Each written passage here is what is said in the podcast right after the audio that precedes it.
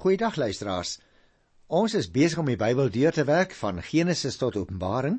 Ons het nou al 'n paar boeke in die Ou Testament gedoen. Ons het al so 'n paar in die Nuwe Testament gedoen en ek is vandag by Johannes, die Evangelie volgens Johannes se beskrywing, die 8ste hoofstuk. En jy sal onthou as jy van tevore geluister het dat dit deel is van die groter afdeling waarin die Here Jesus homself bekend maak vir wie hy is. Ek dink Johannes 8 is seker een van die mees bekende gedeeltes wat ons in die hele Bybel het. Dit begin by die eerste vers, die vrou wat op oorspel betrap is. Hierna is hulle elkeen na sy huis toe, maar Jesus het na die Olyfberg toe gegaan. Die volgende môre was hy weer in die tempel en die hele volk het na hom toe gekom. Hy het gaan sit en hulle geleer. Nou luisteraars, die Here Jesus se bedieningsprogram gedurende sy laaste dae was natuurlik om bedags in Jerusalem en die omgewing sy mense te onderrig en ook dan snags buitekant die stad te oornag by die Olyfberg. Ons het by Lukas 21 vers 37 uh so 'n bietjie met mekaar daaroor gesels. Of soms het hy ook in Betanië. Dit beteken in Hebreëse taal die huis van groen vye, daar in die voet van die Olyfberg tuis gegaan.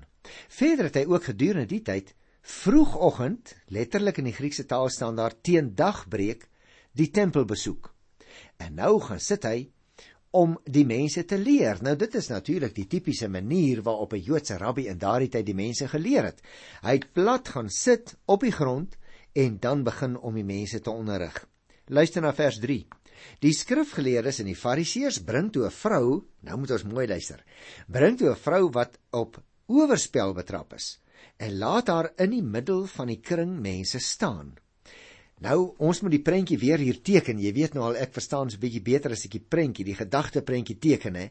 Die invloedryke, die gesaghebende uitleggers van die skrif, naamlik die skrifgeleerdes, van wie die meeste lede van die party van die fariseërs was natuurlik, en die fariseërs, hulle was die bewakers van die wetsvoorskrifte, bring toe 'n vrou wat op oorspel betrap is en hulle stel haar in die openbaar, daar staan in die middel van die kring mense aan die kaak. En nou vra hulle in die 4de vers, hulle het vir hom gesê meneer, hierdie vrou is op heterdaad betrap waar sy oorspel gepleeg het. Nou luisteraars let op hulle woorde want dit dui op 'n baie voorbedagte, ek wil sê 'n georganiseerde stryk. Want natuurlik, as sy op heterdaad betrap is, wat het dan van die man geword? Hoekom bring hulle hom nie saam nie? En daarom sê ek dit lyk vir my dit is 'n vooraf beplande en uitgewerkte ding wat hier gebeur. Want die aanklaers is seker van hulle saak juis op grond van die verdoemende getuienis. Maar hulle sê niks van die man nie. Miskien was hy een van hulle. Miskien was hy iemand wat deur hulle betaal is. Hoe ook al. Ek wil nie daaroor spekuleer nie, maar dit val my op dat hulle die vrou bring en nie die man wat aandadig was ook saamgebring het nie. Vers 5: Moses het ons in die wet beveel om sulke vrouens te stenig, maar u Wat sê u? Jy sien, hulle beroep hulle op wat Moses in die wet beveel het aangaande sulke vrouens. Jy sal onthou toe ons dit behandel het volgens Levitikus 20 vers 10 en ook Deuteronomium 22 daarvan die 22ste vers af moet die man en die vrou albei doodgemaak word. Om spesifiek gestenig te word is ook die aanklaers se eie interpretasie van die wet. Daar's ook nie sprake van 'n verhoor nie. Jesus verwag hulle nou moet reageer deur met sy keuse of die wet van God of die wet van Rome te, voor te skryf as deel van haar straf. Maar nou lees ons in die 6ste vers: Dit het hulle gevra om hom uit te lok sodat hulle iets kon kry waaroor hulle hom kon aankla. Maar Jesus het gebuk en met sy vinger op die grond geskrywe. Nou luisteraars, hierdie vrou moet ons nou onthou is op die baie ernstige oortreding in daardie tyd van oorspel op heterdaad betrap. Die Fariseërs moet ons onthou, het self nie die wet nagekom nie.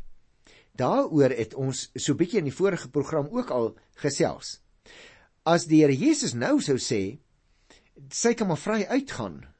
Nou ja, dan was die saak natuurlik verlore voor die oë, nie net van die Fariseërs nie, maar ook in die oog van die mense.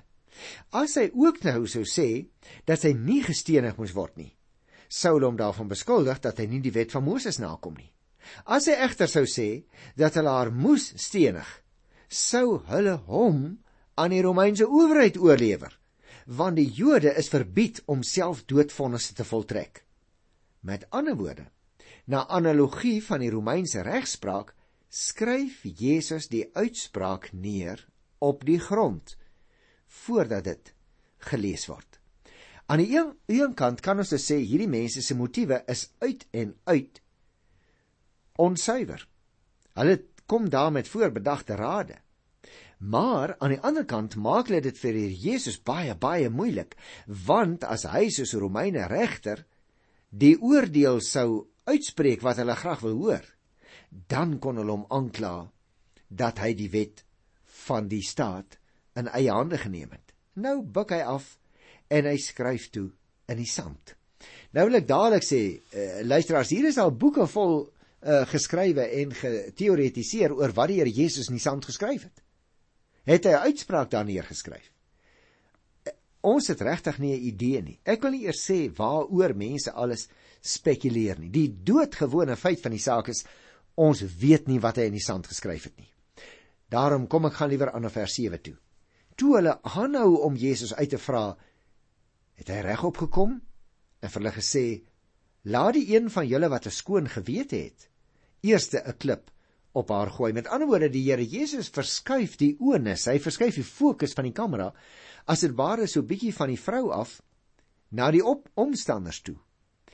En daarom nooi hy hulle om die een wat 'n skoon gewete het, dat die een 'n klip na haar sou gooi en daarmee bedoel hy natuurlik dat om so iets te doen die onberispelikheid van hulle eie lewens eers onder die soeklig moet kom wat die Here Jesus hier sê luisteraars omtrent die beoordeling van ander mense is vir my baie betekenisvol hulle kon nie daarvan beskuldig dat hy die wet verbreek nie want hy het na steniging verwys hy het egter die klem nie in die eerste plek op die sonde van die vrou gelê nie, maar op die vergifnis.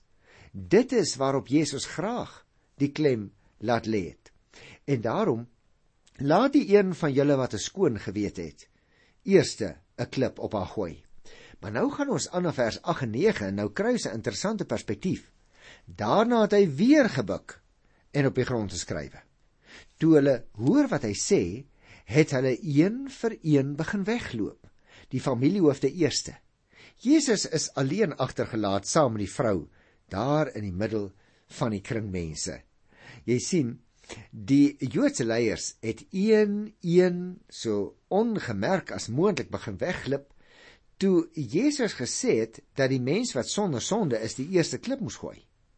Uit die verwysing na die familiehoofde wat eerste weggegaan het, lyk dit vir my kan ons die afleiding maak luisteraars dat hulle die saak teen Jesus gewonne gegee het. Die aanklaers se integriteit het Jesus se toets nie deurstaan nie. En daarom vers 10 en 11. Toe het hy regop gekom en haar gevra: "Mevrou, waar is hulle? Het nie een van hulle die oordeel oor jou voltrek nie?" "Niemand nie, Here," sê sy. Toe sê Jesus: Ek doen dit ook nie. Gaan maar en moet van nou af nie meer sondig nie. Volgens Jesus se vraag en die vrou se antwoord lyk dit vir my luisteraars blyk dit dat die aanklaers se saak en integriteit heeltemal afskerwe lê nou na hierdie tweede ronde. Nie een van hulle het die oordeel voltrek nie staan daar. Nou moet jy oplet na die beklemtoning van nie een van hulle nie en niemand. Jy sien luisteraar, Die Here Jesus veroordeel hierdie vrou ook nie, maar keur ook nie haar sonde goed nie. Hy toon genade en hy stuur hierdie sondaar weg met die opdrag om van nou af nie meer sonde te doen nie.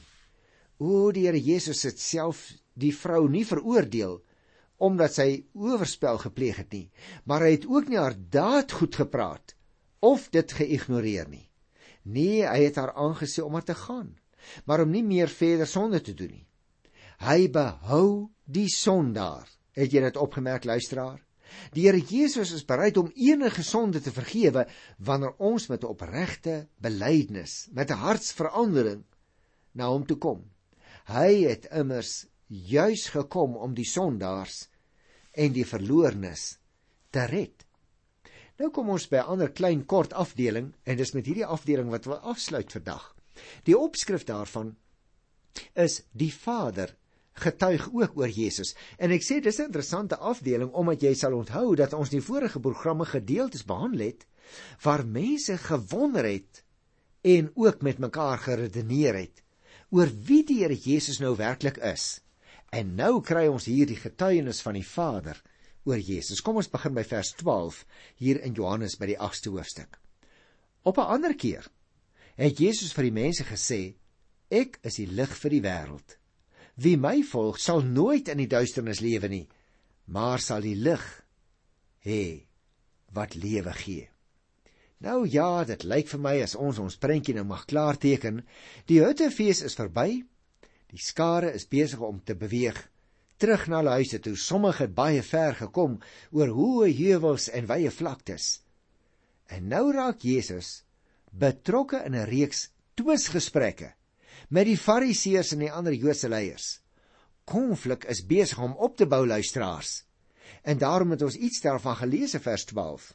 Ons tref die Here Jesus aan by die tempel in die sogenaamde voorhof en die vroue waar die 13 offergawe kiste gestaan het, daar staan hy nou ook en hy sê ek is die lig vir die wêreld. Nou hierdie stelling moet natuurlik verstaan word in die agtergrond van die voorafgaande Huttefees wanneer kandelare aan die begin van die fees in die voorhof van die vroue aangesteek is. En nou, nou dat die fees verby is en dit weer donker begin word, is Jesus se uitspraak soveel merkwaardiger. Jesus as die lig verlos die donker wêreld van sonde. Om met Jesus te identifiseer luisteraar en om hom te volg, beteken 'n keuse tussen die sonde of die duisternis as jy wil en 'n deel hê aan die verlossing wat ware lewe tot gevolg het. Het jy al oor gedink wat beteken dit om Christus te volg? Dit beteken byvoorbeeld om met Jesus te identifiseer, jou rug op die sonde te draai en met geloof vas te hou aan die verlossing wat hy bewerk het. Jy en ek luisteraar moet die Here Jesus volg soos 'n soldaat sy bevelvoerder sal volg, soos 'n slaaf sy heer sal volg, alles doen wat sy eienaar van hom verwag. Ons moet juis die leiding wat hy in die skrif vir ons gee, gehoorsaam, sodat ons die raad van iemand in wie ons regtig baie vertroue het, kan volg. Net soos ons gehoorsaam is aan die wette van ons land, nee meer nog, ek wil sê, veel meer as ons gehoorsaamheid aan die wette van die land, moet ons ook gehoorsaam wees aan Christus self. En ons moet sy opdragte gehoorsaam, want ons is immers van die nuwe geestelike koninkryk van God in die wêreld. O, die Here Jesus het hier in vers 12 na hom verwys as die lig vir die wêreld. Dit word duidelik by die aantekeninge wat ek nou nog gaan maak in die volgende verse. Luister bietjie vers 13. Die Fariseer sê toe vir hom: Jy getuig oor jouself. Jou getuienis is nie geldig nie. Nou ek dink dis baie belangrik dat ons dit hier sien luisteraars dat hulle dit wat die Here Jesus oor homself sê bloot nie wil aanvaar nie. En daarom kry 'n mens hier baie belangrike uitsprake van vers 13 af. Ek wil eers net vir jou 'n kort oorsiggie daarvan gee deur ook vers 14 te lees. Daarop sê Jesus vir hulle: Al getuig ek ook oor myself, is my getuienis geldig, omdat ek weet waarvandaan ek kom en ek weet waarheen ek teruggaan. Maar julle weet nie waar ek vandaan kom nie. Julle weet ook nie waarheen ek teruggaan nie. Jy sien luisteraar, die Fariseer gee nie aandag op die inhoud van die Here Jesus se woorde nie, omdat nie een van hulle op dieselfde geestelike golflengte is nie. En daarom probeer hulle nou skuil agter tegniese bepalinge, naamlik oor die geldigheid van Jesus se uitsprake. Kan jy dit nou glo? Volgens Joodse bepaling moes getuienis in 2 of 3 monde vas staan. Gaan kyk maar in Deuteronomium 19 vers 15. En die Fariseërs erken nie dat die Vader die borg van Jesus se getuienis kan wees nie, omdat hulle nie aanvaar dat hy die Messias is nie. Hulle stem met ander woorde nie eers oor met mekaar 100% oor hom saam nie. Dink nou byvoorbeeld aan Nikodemus wat 'n ander insig geopenbaar het nadat hy met die Here Jesus in gesprek was. Met ander woorde, hy is besig om vir hulle te sê, hoor, julle stem nie eers saam nie, maar ek en my Vader, ons praat uit dieselfde mond. Die sleutelvraag in die Johannes Evangelie bly nog al die pad: Wie is Jesus? Elkeen wat erken en bely dat hy die seun van God is, sal ewig lewe. Het ons nou herhaalde kere gehoor. En daarom gaan die Fariseërs by die inhoud en die betekenis van Jesus se woorde heeltemal verby. Hulle lê die vinger op die tegniese aspek van getuienis. Maar weer eens, het ons gesien in die 14de vers, sê Jesus, sy getuienis is geldig juis op grond van sy herkoms Nou wat is sy herkoms? Hy sê waar ek vandaan gekom het. En ook op grond van sy bestemming waarheen hy teruggaan, naamlik sy Vader. Jy sien luisteraar, die Fariseërs kon nie Here Jesus se steun vir sy getuienis, naamlik sy Vader, kontroleer nie, want hulle was nie daar nie. En ook belangrik omdat hulle hom nie ken nie. Nou kom ons kyk na vers 15. Julle oordeel oor iemand volgens sy uiterlike Ek oordeel niemand nie. En as ek oor iemand oordeel, is my oordeel reg. Omdat dit nie alleen ek is nie, maar ek en die Vader wat my gestuur het. Jy sien, hy sê vir julle Fariseërs, julle oordeel iemand onvolkome en slegs ten dele op grond van die menslike of die uiterlike norme. Julle oordeel niemand, so staan daar, so nie omdat julle menslike uiterlike norme aanlê. Die Here Jesus aan die ander kant oordeel mense nie so nie omdat hy gestuur is om die wêreld te red, nie om die wêreld te kom veroordeel nie. Maar maar nou mag jy vra, hoe oordeel Jesus dan? Ons het dit gelees in vers 15. Hy doen dit billik en reg omdat dit nie alleen nie, maar saam met sy Vader geskied. Jesus tree dus op as gestuurde. En hy en die Vader besluit saam oor iemand, nie hy alleen nie. Luister nou na vers 17 en 18. In julle wet staan daar geskrywe dat die getuienis van twee persone geldig is. Nou ja, oor my getuig ek self en die Vader wat my gestuur het. Daaroor wil die meester nie hê dat daar enige twyfel by hulle sal wees nie. Jesus se getuienis is geldig. Hoekom? omdat daar twee is wat getuig, hy self en die Vader wat hom gestuur het. En hierdie getuienis luisteraars is onverbeterlik op grond van die goddelike kwaliteit daarvan. Die Here Jesus sou ook die getuienis van Johannes die Doper kon noem as hy wou, maar hy wil juis die van die Vader beklemtoon en selfs nie die van 'n mens soos Johannes die Doper nie. En uh, daarom kan ek verstaan. Die Jode volstaan dus dat Jesus se aanspraak onwettig was omdat daar geen getuies was wat dit kon staaf nie, want hulle was nie by die Vader soos wat hy was nie. Jesus se antwoord daarop was dat dit God self is wat dit bevestig. Daar was dus twee getuies, né? Naamlik hy self en God volgens die voorskrif van Deuteronomium 19:15. Daarom kan hulle nie sê hy vertel 'n leuen nie. Maar luister nou na vers 19. Toe vra hulle hom: "En waar is die Vader van jou?" Jesus het geantwoord: "Julle ken my nie en ook my nie Vader nie. As julle my geken het, sou julle ook my Vader geken het." Luisteraar, ek wil nie graag hê dat daar misverstand by jou of by my moet wees nie. Iemand wat die Here Jesus erken, ken ook die Vader. Maar as iemand nie die Here Jesus erken vir wie hy is nie, dan moet jy maar weet, daardie persoon ken ook nie werklik die Vader nie. En daarom vra die Fariseërs, nou waar is daai Vader van jou? Hierop benadruk Jesus natuurlik dat dit iemand is wat die Vader ken, wat ook vir my kan herken. En daarom wil ek graag eindig van vir, vir vandag by vers 20. En ek wil graag so 'n bietjie daaroor gesels want ek dink dit is 'n baie belangrike gedeelte. Hierdie dinge het Jesus gesê in die vertrek waar die offerkiste gestaan het. Hy was toe besig om die mense in die tempel te leer. En tog het niemand hom gevange geneem nie. Let nou op, omdat sy tyd nog nie gekom het nie. Ek wil graag so 'n bietjie gesels oor hierdie 20ste vers. Want jy sien die bogenoemde gesprek wat ons net nou gelees het in die voorafgaande verse was baie naby aan die saal waar die Joodse raad vergader het. Tog staan daar word Jesus nog nie gevange geneem nie omdat sy tyd nog nie gekom het nie. Ek wonder of jy al ooit opgemerk het, liewe luisteraar, sewe van die 13 kuste in die voorhof van die vroue is juis daar neergesit vir die tempelbelasting. En die ander 6 was natuurlik nou bedoel vir vrywillige offergawes. By 'n ander geleentheid het 'n arm weduwee haar bydrae in een van die offerkiste gegooi en op grond daarvan het Jesus vir mense baie belangrike daaromtrent geleer. Gaan kyk gerus maar weer daar by Lukas die 21ste hoofstuk, die eerste 2 verse. Ek het dit daar ook behandel dat dit nie gegaan het oor die grootheid van die offergawe nie, maar die eerlikheid en die opregtheid van die gesindheid waarin die offergawe gegee word. En dit is ook met jou met my so hoor.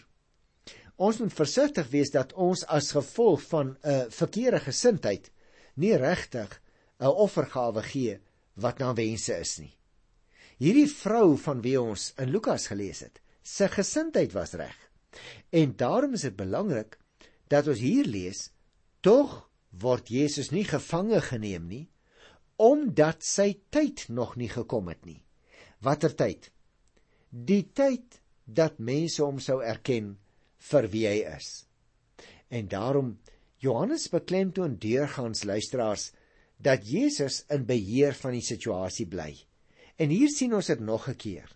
Die rede is natuurlik dat sy tyd nog nie gekom het nie. Hy was slegs op God se bevel en op die Here se voorbestemde tyd daar. En daarom daardie tyd het nog nie aangebreek nie. Die tyd van sy offer aan die kruis van Golgotha.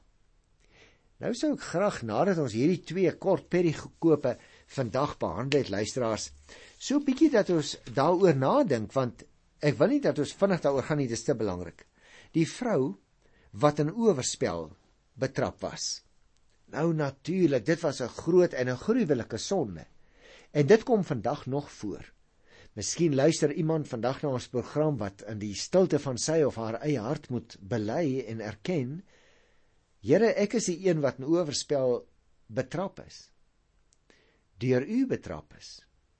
By mense het ek as dit ware verbygekom. Maar Here, u weet alle dinge. U sien ook alle dinge. En u weet dat ek iemand is wat deel het aan oorspel. Luisteraar, as dit jy is, dan wil ek vir jou graag nooi, kom hier na die voete van die Here Jesus en jy sal opmerk die man uit Nasaret het nie hierdie vrou veroordeel nie. Die sonde wat sy gedoen het, ja natuurlik, dit is veroordeel. Maar sy kon van hom af weggaan met 'n baie baie belangrike opmerking uit die mond van die man in wie se mond die woorde van die lewe lê. Naamlik vrou gaan maar moet van nou af nie meer sonde doen nie. Dalk is daar iemand wat hierdie besluit in jou lewe vandag moet neem. Ek weet nie wat die aard van die sonde is waarmee jy besig is nie.